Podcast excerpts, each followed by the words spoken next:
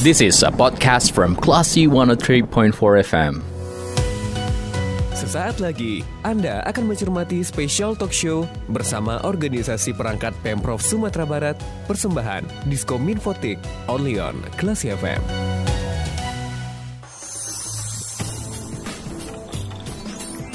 Special Talk Show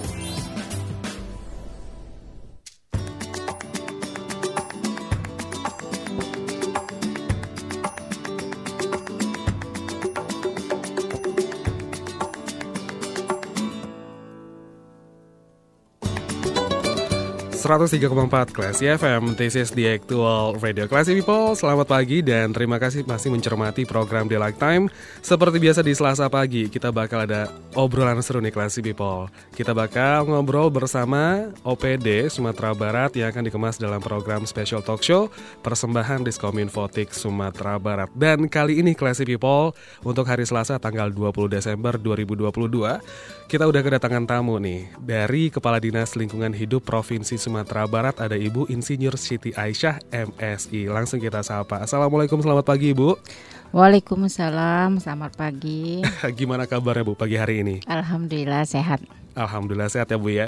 Oke deh, nah Classy People di special talk show kali ini kita bakal kulik nih kira-kira program kerja apa nih yang ada di Dinas Lingkungan Hidup Provinsi Sumatera Barat. Langsung kita tanyain dari kepala dinasnya. Tapi sebelum itu Bu, sebelum kita tanya-tanya soal proker dari Dinas Lingkungan Hidup Provinsi Sumatera Barat, kita pengen kenalan dulu nih sama Bu Siti Aisyah atau yang akrab dipanggil Bu Ica nih Classy People. Silakan. Ibu memulai karir sebagai PNS itu di tahun berapa dan mungkin sudah uh, ke instansi apa aja nih Bu? Silakan. Ibu mulai uh, menjadi ASN itu tahun 1992. Berarti 30 tahun ya. Sudah 30 ah, tahun ya, Bu 30 ya. tahun. Uh, agak beda mungkin sama teman-teman Ibu dari CPNS sampai saat ini itu bekerja di bidang lingkungan hidup. Jadi nggak pindah-pindah. 30 tahun di lingkungan hidup. Oke, okay, 30 tahun di Dinas Lingkungan Hidup. eh, kira-kira gimana nih Bu? Sudah tiga dekade gitu ya. ya. Uh, sejauh ini perasaannya gimana Bu? Ya, karena lingkungan hidup tuh lingkupnya luas ya. Dari langit sampai ke dalam bumi. Dari hulu sampai di hilir. Nah, itu selalu ada permasalahan dan problem yang membuat kita tidak bosan-bosan dan menghadapi pembaharuan sesuai dengan perkembangan zaman. Betul. Dan juga untuk uh, keadaan lingkungan hidup pun juga dinamis ya Bu ya. Yeah. Permasalahan yang dihadapi selalu ada aja yang baru yeah. dan menjadi tantangan buat yeah. Ibu nih. Emang berarti nggak pernah ditawarin pindah ke instansi mana pun atau emang Ibu yang setia di Dinas Lingkungan Hidup nih Bu? Uh, ibu nggak tahu juga. ibu setia dan mungkin juga nggak dianggap cocok di situ. Dan dilantik sebagai kepala dinas itu di tahun berapa ibu? Uh, 2017. 2017. 2017 sudah lima tahun juga ya bu ya, yeah. sebagai kepala dinas lingkungan hidup Sumatera Barat. Uh, dan ini kan kita pengen uh, tahu dari kegiatan-kegiatan yang ada di dinas lingkungan hidup. Selaku kepala dinas itu tugasnya seperti apa ibu? Topoksinya? Mungkin hampir sama ya dengan uh, apa? Dengan kepala dinas yang lain Uh, tapi lingkup kerjanya yang berbeda. Ya kita membantu Pak Gubernur ya untuk uh, menjaga mengelola lingkungan hidup memastikan bahwa kerusakan dan pencemaran tidak terjadi melebihi batas uh, toleransi. Dan kita juga menyusun program-program kegiatan yang harus menghadapi tantangan. Perlu inovasi selalu sesuai dengan perkembangan zaman dan kondisi lingkungan hidup. Hmm, luar biasa sekali. Dan tentunya juga uh, mendukung visi misi dari uh, pemprov juga ya, ya bu ya. ya. Kalau untuk dinas lingkungan hidup itu mendukung di poin keberapa ibu? Di misi ke 6 enam Ya yaitu meningkatkan pembangunan infrastruktur ya Bu ya, ya. yang berkeadilan dan, dan berkelanjutan. Nah, ya. ini nih yang mesti kita garis bawahi ya Bu ya, berkeadilan dan juga berkelanjutan. Ya. Di Dinas Lingkungan Hidup uh, ini apa yang menjadikan uh, tolak ukur dari uh, berkeadilan dan juga berkelanjutan ini Bu? Ya. Jadi uh, tolak ukurnya itu itu adalah indeks kualitas lingkungan.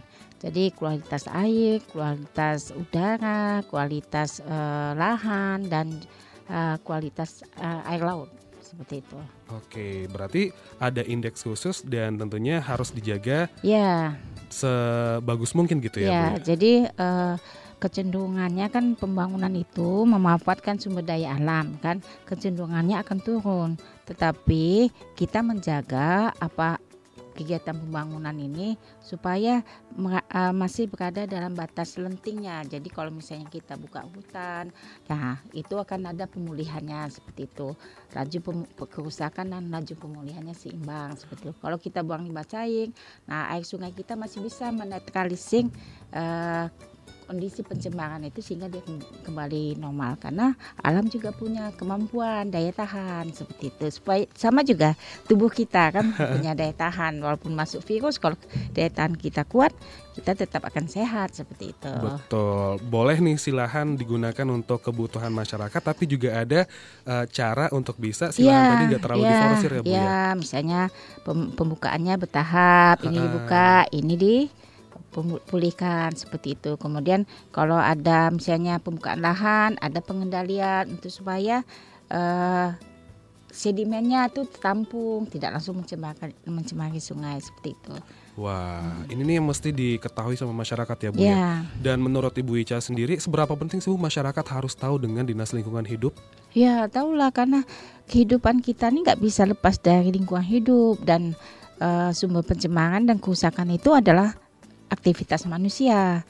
Nah, jarang sebenarnya walaupun kita memang secara alam itu eh, rawan ya terhadap bencana karena eh, geologi kita, kemiringan kita, kita merupakan juga pusat pertemuan lempengan, tetapi aktivitas manusia bisa memicu misalnya penebangan pohon, kemudian pembuangan sampah sembarangan sehingga eh, drainase kota eh, tertutupin, banjir. Jadi banjir itu tidak tidak harus bawa luapan sungai, tapi justru sekarang ini banjir karena sampah yang menutupi eh, drainase dan itu kan aktivitas manusia, Betul. masyarakat, pelaku usaha. Pelaku usaha dan juga eh, apa pun yang kita lakukan juga tanggung jawab kita bersama Iya, ya Bu ya. iya.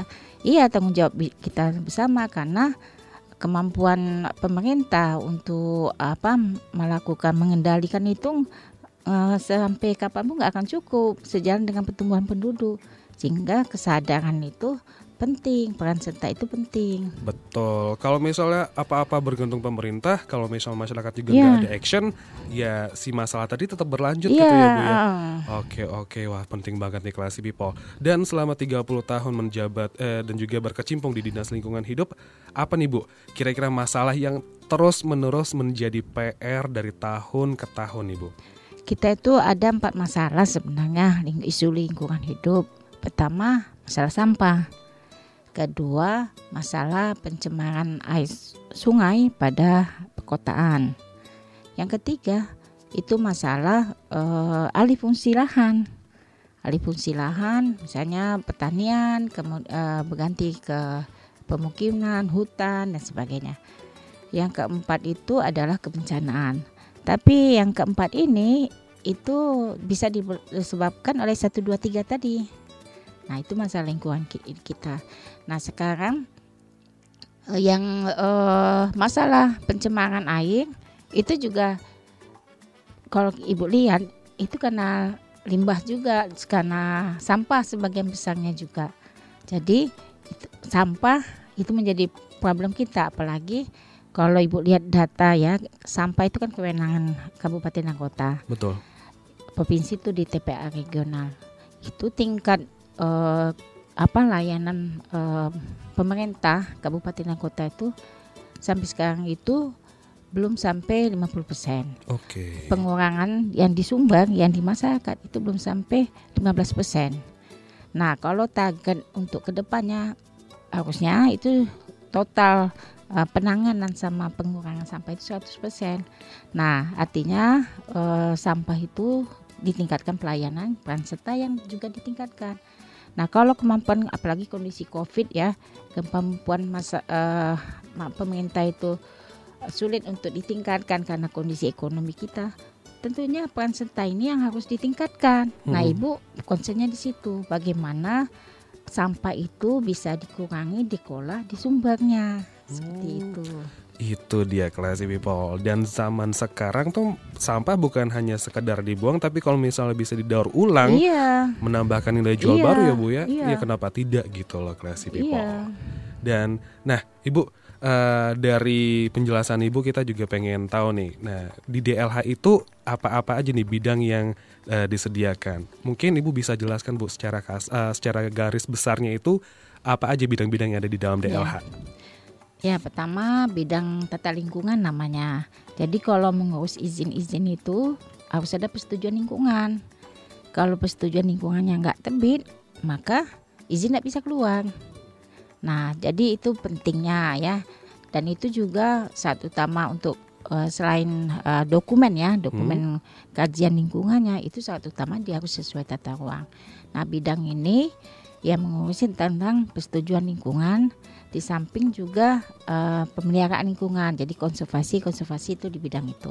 Mm-mm. Yang kedua bidang pengawasan dan pen- pengendalian kerusakan dan pencemaran lingkungan.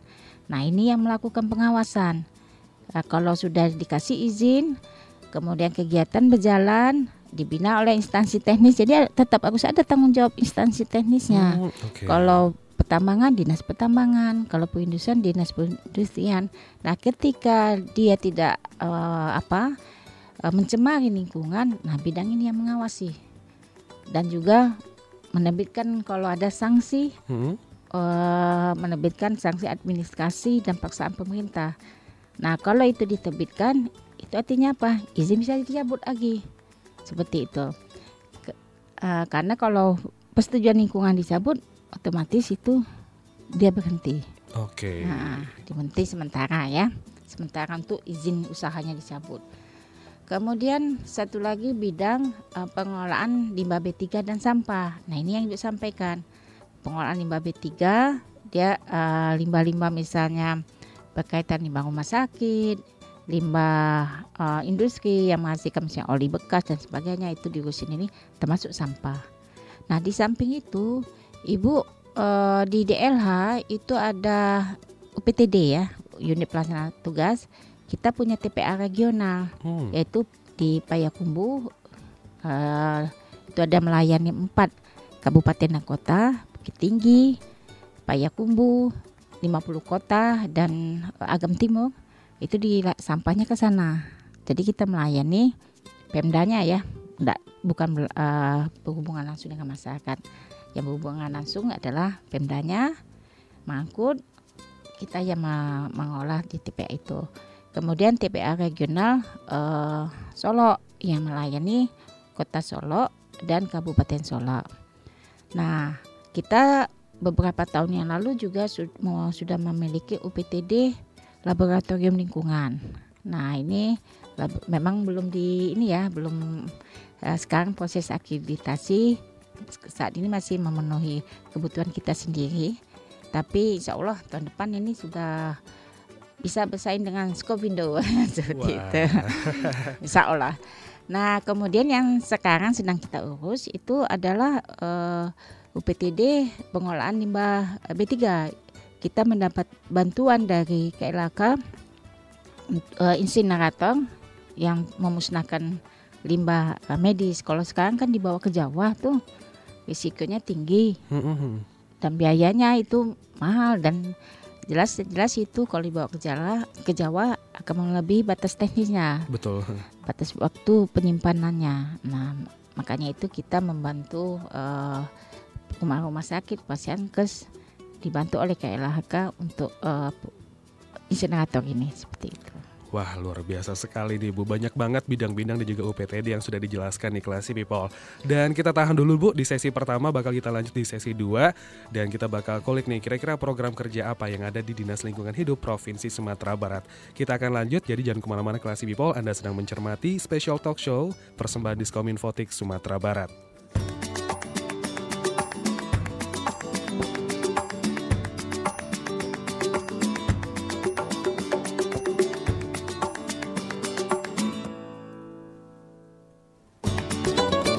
103,4 Classy FM, this is the actual Radio Classy People. Anda masih mencermati special talk show persembahan Diskominfotik Sumatera Barat. Dan kita masih ngobrol bersama Ibu Insinyur Siti Aisyah MSI atau Bu Ica nih Classy People. Selaku Kepala Dinas Lingkungan Hidup Provinsi Sumatera Barat. Langsung kita sapa kembali, selamat pagi Ibu. Pagi. Nah Ibu kita di sesi satu sudah kenalan dan juga sudah tahu gimana visi misi dan juga tugas pokok fungsi dari uh, Dinas Lingkungan Hidup Provinsi Sumatera Barat ya Bu ya. Dan kali ini di sesi 2 kita bakal kulik seputar program kerja dan juga kegiatan-kegiatan apa yang diangkat oleh Dinas Lingkungan Hidup Provinsi Sumatera Barat. Tapi sebelum itu saya pengen uh, mengulik informasi dari sumber.antaranews.com di mana Ibu di bulan November kemarin itu uh, menargetkan ya 100% sampah terkelola pada tahun 2025. Di sini eventnya itu juga melibatkan pemerintah Provinsi Sumatera Barat di mana uh, di sini pengen banget nih 100% untuk pengelolaan sampah di tahun 2025 untuk mendukung program Visit Beautiful West Sumatera 2023. Nah ini juga merupakan salah satu proker dari, dari Dinas Lingkungan Hidup ya Bu ya. Boleh bisa dijelaskan Ibu? Jadi target itu mm, bukan hanya target Sumatera Barat ya, tapi itu target yang ditetapkan oleh nasional. Jadi kalau nasional menargetkan seperti itu, tentu seluruh provinsi targetnya seperti itu. Nah, kita melihat ya untuk mencapai target itu eh, dengan kondisi yang sekarang ini agak sulit sebenarnya. Makanya harus ada langkah-langkah percepatan Nah, percepatan dan langkah-langkah yang uh, menarik lah, karena target kita itu adalah memperbesar uh, peran serta masyarakat yang tu, 100% itu kan 70 30 30 itu adalah uh, pengurangan sampah di sumber jadi peran serta masyarakat. Nah kita menargetkan itu yang kita uh, percepat memperbesar. Karena yang saya sebutkan tadi kan. Hmm. Nah, beberapa target itu eh, beberapa strategi kita sudah apa canangkan ya. Pertama pengurangan di sumber dengan mengolah utamanya itu sampah organik. Oke. Okay. Organik itu 70%. Nah, itu yang kita fokuskan supaya ini bisa tidak perlu dibawa ke TPA. Selain untuk biaya juga uh, ya itu tadi jangkauan belum tentu semuanya daerah bisa menjangkau apalagi kabupaten sampai ke jauh-jauh yang jauh itu. Nah, program apa yang kita lakukan? Kita membuat maggot, kompos. Nah, ini apalagi kita kan sumber ternak ikan kan? Betul. Nah, sekarang pakan ikan ternak itu uh, mahal kan? Nah, makanya banyak ini sekarang masyarakat minta ini untuk program ini. Nah, kita kerjasama dengan Badan Pemberdayaan Masyarakat, Dinas Pertanian, Peternakan, mengintegrasikan maggot ini dengan sektor-sektor itu. Nah, samping itu juga pupuk ya. Pupuk juga ada yang meminta. Sebenarnya dari maggot itu pupuk juga dihasilkan sebenarnya. Kemudian ekoenzim itu yang kita berdayakan dengan masyarakat.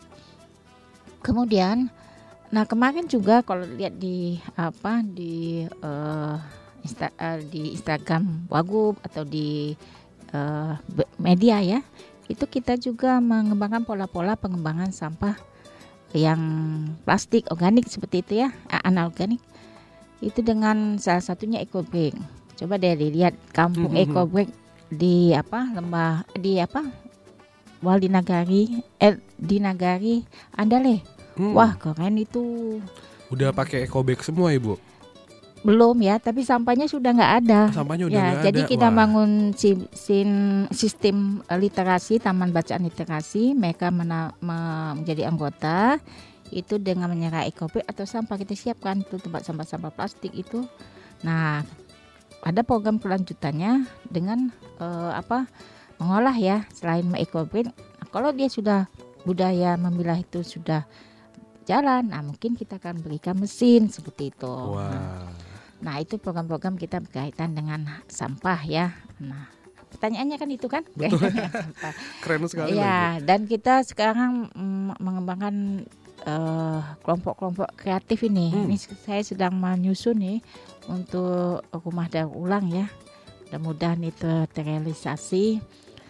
Nah, itu eh, ternyata eh, hasil kerajinan kita itu bagus-bagus. Bener Nah, ya. dan saya sedang mengumpulkan nih em, apa kelompok-kelompok ini karena itu punya daya seni ya. Tidak kalau kita yang biasa tas kayak seperti itu kan, enggak ini banyak rupanya. Nah, kita sedang mengumpulkan eh, kelompok-kelompok ini dan membicarakan program. Nah, program-program ini juga dibantu oleh pihak-pihak perusahaan. Wah, jadi, Perusahaan termasuk Semen Padang, PLN membantu kita sehingga ini eh, apa menjadi eh, program eh, binaan eh, apa perusahaan tapi sekaligus terintegrasi dengan kita CSM mereka kan seperti itu. oke luar biasa sekali. Nah, seperti yang Ibu jelaskan tadi, Kampung Ekobek, Rumah Daur Ulang dan program-program lainnya. Tentunya eh, kita harapkan itu bukan berpusat di satu daerah aja. Nah, gimana nih Ibu bisa menyamaratakan harapan tadi itu untuk 19 kabupaten Ya. kota lainnya? Ibu? Jadi kan eh, kita tuh kan sebenarnya provinsi itu mem- memfasilitasi ya percontohan. Nah, kalau yang tadi di Andale ya, di Andale itu di Tanah Datar ya, Mm-mm. bukan Andale sini ya, Andale Tanah Datar. Kemudian juga eh, kalau Magot itu di kabupaten kabupaten ya, kebanyakan itu Magot. Jadi kita melihat eh, pertama melihat minat sebenarnya, minat eh, dari kelompok itu. Mhm. Karena susah kita kalau misalnya eh, dari kelompok itu sendiri nggak berminat seperti Betul. itu. ha. Nah, minat itu mu- muncul kalau ada contoh yang baik. Nah, Hmm, Oke. Makanya itu sekarang juga ada program kita Kampung Iklim ya. Termasuk Kampung Iklim ini pemanfaatan pekarangan, kemudian sampah, konservasi air, penanganan bencana. Masuk itu di Kampung Iklim. Nah, ini rata-rata di kabupaten kota sudah ada. Nah, jadi sharing informasi, grup itu sangat apa? Sangat eh, membantu juga media Betul. massa. Iya ya Bu ya, dan apalagi semuanya serba digital ya. Iya. Apa-apa bisa kalau Iya. misalnya eh, semua pengrajin atau mungkin mereka yang berminat dikumpulkan dalam satu grup WhatsApp gitu Mm-mm. contohnya Bu ya. Dan juga ada perwakilan dari DLH, Mm. informasi-informasi bisa langsung satu Iya, pintu. iya. Betul sekali. Dan apa? eh seperti yang di Andal Andale itu hari ini udah dikunjungin oleh dari provinsi Lampung itu. Wah, hari ini Bu. Iya, hari ini mereka datang untuk melihat eh, gimana sih kampung ekobrik itu seperti itu. Nah, saya berharap pengolahan lingkungan itu Hmm, nggak berujung hanya kita mengolah sampah, betul. ha. tapi bisa untuk membangkitkan ekonomi lain. Jadi orang datang sana, apa potensi sana? Taman, Tanaman hias, bisa membeli tanaman hias di sana. Orang ke sana belajar, apa yang potensi di sana? Men- eh, makanan, jualan makanan, silakan. Jadi ban- eh, itu hanya sebagai apa penarik ya seperti itu. Dan eh, di Bogor, ibu lihat, malah itu sudah ada batako, batako eh, dari sampah Oke. dan mempunyai nilai serat yang bagus. Jadi ini juga kami berharap. Jadi ibu eh, dalam melaksanakan ini sekarang bermacam cara ibu ini kan dengan perusahaan, dengan UMP ini UMP Hmm, membantu kita dalam KKN tematik. Jadi oke. pem- untuk pemberdayaan masyarakatnya itu ditujukan ma- mahasiswa-mahasiswa yang ber- berkualitas, Hmm. melihat potensi, eh, men- eh, apa eh, melihat permasalahan. Mereka mendampingin misalnya satu bulan seperti itu. Sehingga eh, karena kalau kita kan hanya bisa datang sekali kita berharap gitu ada muncul tokoh-tokoh. Untuk men- menimbulkan tokoh-tokoh ini tetap perlu pendampingan. Betul. Nah, Dan tentunya di pekerja, bawah wah pekerja sosial juga kayak LSM semua kita kita rekrut itu tangan kita banyak tentunya nggak bisa bekerja dalam eh, apa ya Bu ya. Kita juga butuh sokongan dari Iya, pi- banyak iya. pihak gitu ya Bu ya. karena kita ini di di, di, di dinas lingkungan hidup ini eh, tenaga penyuluh nggak ada baru satu Mm-mm. dengan fungsional ini dan itu tupoksinya baru baru jadi kita memerlukan tenaga penyuluh penyuluh dari OPD lain karena lingkungan hidup tuh juga menyangkut OPD OPD tersebut. Tersebut Heeh. misalnya pertanian seperti Mm. itu kan? Dia menghasilkan sampah organik kan? Seperti itu. Perikanan ya. Dia membutuhkan dilupakan kan Betul. seperti itu. Ibarat kata berarti dinas lingkungan hidup juga bersinergi dengan Iya, dinas-dinas lain gitu ya bu ya. Oke. Dan eh, apa yang ibu jelaskan tadi itu dikemas di dalam eh, kegiatan gerakan sumber bersih Iya, 2022 ya bu ya. iya. Dan penting banget ke Classy People dan juga Bu Ica ya, karena dari sampah aja itu bisa menghasilkan eh, kesan yang bagus bukan hanya dari lingkungan aja tapi ke pariwisata ya Bu ya. Iya, Dan eh, dari DLH sendiri, apalagi untuk Provinsi Sumatera Barat, apakah juga memberi- memberikan semacam sarana-sarana atau mungkin Iya. melengkapi fasilitas itu, Bu? ya. Eh, kita se- semacam ini saja sebenarnya stimulan, stimulan karena eh, OPD kemudian pelaku usaha itu harus menyediakan sendiri sebenarnya ya, kayak di kawasan pariwisata Hmm, itu harus menyediakan sendiri kan ada anggarannya. betul. Nah, kita memberikan stimulan dan kita pilih itu kelompok-kelompok masyarakat. Karena kalau kita langsung itu eh, tidak bisa jadi proposal. Hmm. Karena tupoksi kita itu di pendampingan, penyuluhan lingkungan, bukan di sampahnya. Sampah kita di TPA. Nah, kalau ada eh, penyampingan, penyuluhan, pemberdayaan masyarakat di situ, maka kita bisa kasih bantuan sesuai dengan proposal yang di, yang diajukan. Oke, itu. harus sesuai dengan proposal. Iya, Dan untuk ini, Bu, eh, tentunya DLH nggak bisa bekerja sendiri, membutuhkan dinas lain untuk bisa bekerja Iya. sama. Untuk dari eh, sosialisasi kepada masyarakat, apakah di, di Dinas Lingkungan Hidup Provinsi Sumatera Barat eh, itu rutin melakukan sosialisasi, penyuluhan, atau mungkin langsung terjun ke lapangan untuk bisa mengedukasi masyarakat, Ya, Ibu? seluruh cara yang disebutkan tadi kita lakukan. Sudah dilakukan. Nah, kita lakukan, tinggal frekuensinya. Nah, intensitasnya, nah, Bu ya, ya. insenti- insentitasnya. Nah, sekarang kita coba nih ya, kita lihat kan eh, bahwa problem ini juga eh, tadi yang ibu sampaikan. Nah, ini ibu sedang berpikir bahwa setiap mm, apa OPD itu kantong bertanggung jawab untuk tidak hanya sampah di, di apa kantongnya, tapi satu meter di depannya. Wah. Nah ini sedang ibu pikirkan karena ibu lihat loh siapa yang membersihkan sampah di trotoar itu. Nah Gak mungkin, eh nunggu petugas pembersih Iya, itu nggak mungkin juga Iya ya, Bu ya. makanya kalau kita bersama-sama ini kita sedang menyiapkan surat edaran itu minimal Hmm. untuk lingkup provinsi. penting banget juga untuk dari kecil kalau misalnya ada sampah permen ya udah dikantongin dulu ya bu ya Iya. habis itu dibuang Jadi misalnya- sebenarnya eh, melalui media ini Bu Ibu sampaikan ya. eh, semua kabupaten kota punya perdanya. Punya perdanya untuk eh, sampah ini termasuk penerapan sanksinya. Hmm. Tapi Ibu lihat sejauh ini belum. Sejauh ini belum. Makanya kita kemarin eh, tanggal 4 14 Desember gitu juga menetap sama launching ya sama program dengan kota Padang Panjang, kota tetap sampah. Hmm. Nah, kita berharap itu eh, apa menjadi contoh pengelolaan sampah. Kita pilih kota, kota Padang Panjang bukan karena kota Padang Panjang nggak nggak peduli sampah, justru karena dia peduli sampah kita pilih itu. Kita berharap jadi Singapurnya Sumatera Barat. Sumatera Barat gitu ya bu Nah, itu sudah kita eh, sampaikan. Eh, kita apa dari segala sumber Hah?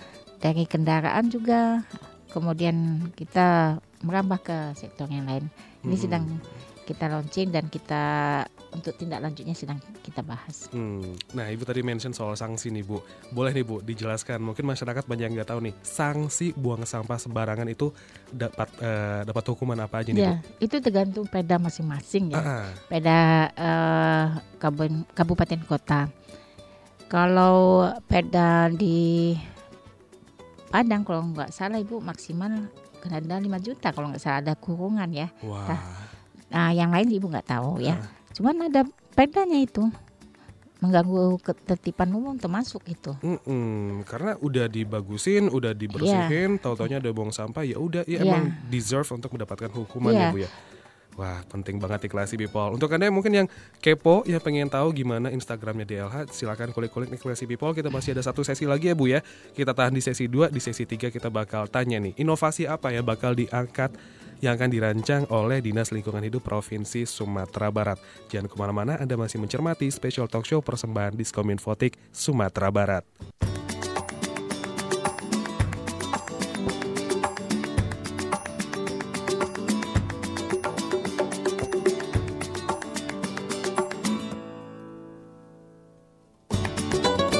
103,4 Classy FM This is the actual Radio Classy People. Masih bersama saya Bimo Alvaro di Special Talk Show Persembahan Diskomin Fotik Sumatera Barat. Kita masih ngobrol bareng Bu Ica Selaku Kepala Dinas Lingkungan Hidup Provinsi Sumatera Barat.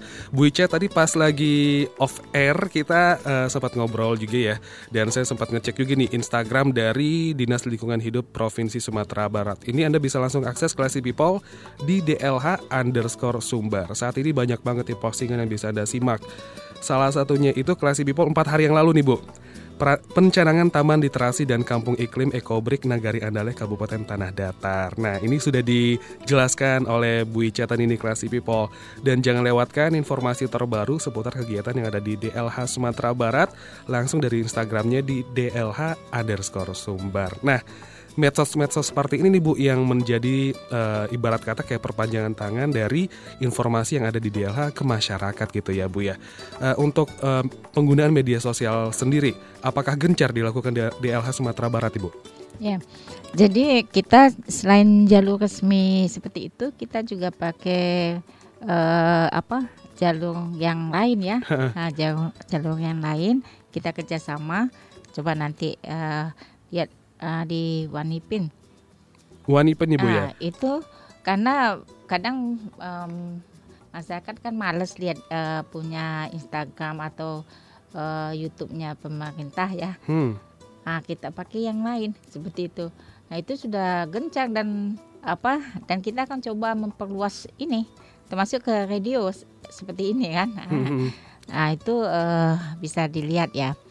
Dan kita juga sudah mensosialisasikan ya, kalau misalnya ada kegiatan yang kreatif, uh, khususnya dalam pengolahan sampah itu bisa di apa divideokan dan nanti ada masanya itu akan kita lombakan. Wah, ya nah, karena ya itu, vlog ya bu ya. Ya itu untuk untuk ini ya untuk meningkatkan uh, peran serta dan ibu sudah sudah dapat juga nih dari Jakarta orang hmm. kampung dari dan misalnya yang tinggal di Jakarta pengamat, pengamat sampah ini uh, belakang ini gerakan ini sudah semakin ini kelompok-kelompok hmm, hmm. ini sudah mulai sadar gitu ya bu ya mulai apa bersemangat seperti hmm, itu hmm. dan tentunya DLH Sumbar yeah. memberikan apresiasi gitu ya bu yeah. ya hmm. oke okay. dan tentunya harus dimulai dari uh, diri kita yeah. biar nanti kalau misal menjadi sebuah kebiasaan akan menginspirasi orang-orang di ya. sekitar ya. kita. Ya, dan kita juga sekarang ini uh, bekerja sama dengan apa uh, eh, BUMN BUMN ya khususnya ya. Karena kan perusahaan-perusahaan itu kan punya tanggung jawab sosial ya. Hmm. Selama ini kan tetap dilaksanakan. Cuman uh, bisa dilihat nggak banyak masyarakat tahu seperti hmm. itu kan dan mungkin bisa dilihat juga tingkat uh, keberhasilannya. Nah, kita uh, sekarang menawarkan minimal satu satu program bersama. Contohnya kemarin yang di apa uh, bandara uh, kalau lihat di Instagram ada di apa di flyover itu rencananya 2000 uh, mulai dari 2023 kita akan membangun taman dan pengendalian sampah. Hmm. Taman itu cara untuk mengendalikan sampah ya. Karena kalau taman khusus taman ibu nggak punya kewenangan, tapi di situ uh, apa pengendalian sampah.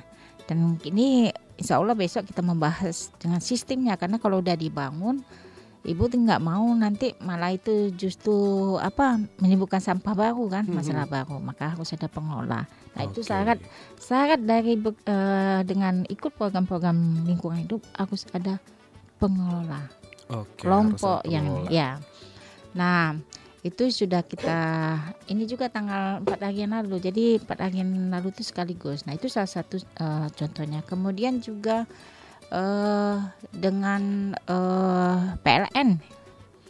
Nah, itu ada program untuk pengendalian eceng gondok hmm. Uh, untuk pemuli percepatan pemulihan danau uh, Maninjau. Wah itu uh, ibu menemukan kelompok yang tepat langsung go gitu kan. itu baru dilatih saja. Itu kita punya program tiga tahun. Tiga tahun rencananya hari tahun ini pelatihan tahun depan baru produksi, tahun ketiga pemasaran ini sudah di sudah dikerjakan pada tahun ini. Hmm. Dan itu eh, sudah banyak pesanan, sudah banyak ini.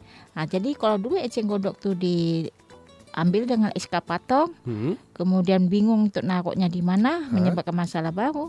Sekarang itu diambil untuk kerajinan. Hmm. Nah, nah sekarang program lanjutannya kita berharap yang sisa-sisa daunnya untuk bisa jadi kompos. Nah, Wah. jadi kita menyelesaikan arus dengan cara-cara yang menarik supaya Betul. eh, ini apa bisa berkelanjutan. Walaupun sebenarnya itu harusnya kesadaran, harusnya kesadaran.